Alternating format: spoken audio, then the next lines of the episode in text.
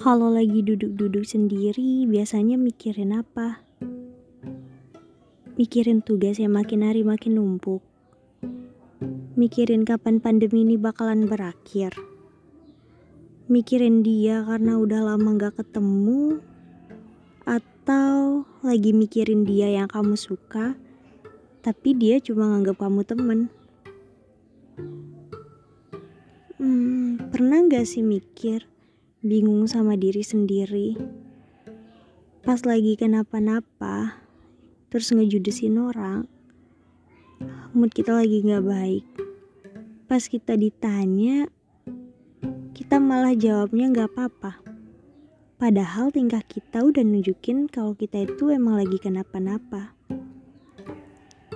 Tapi kenapa ya sebegitu susahnya kita ngomong kalau kita itu lagi kenapa-napa?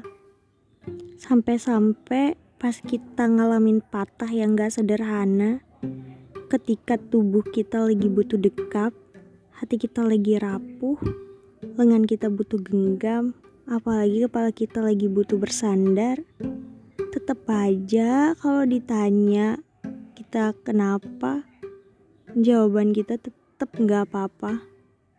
Seakan-akan kata gak apa-apa itu adalah satu kata yang paling nyaman kita ucapin pas kita itu lagi kenapa-napa. Kenapa ya?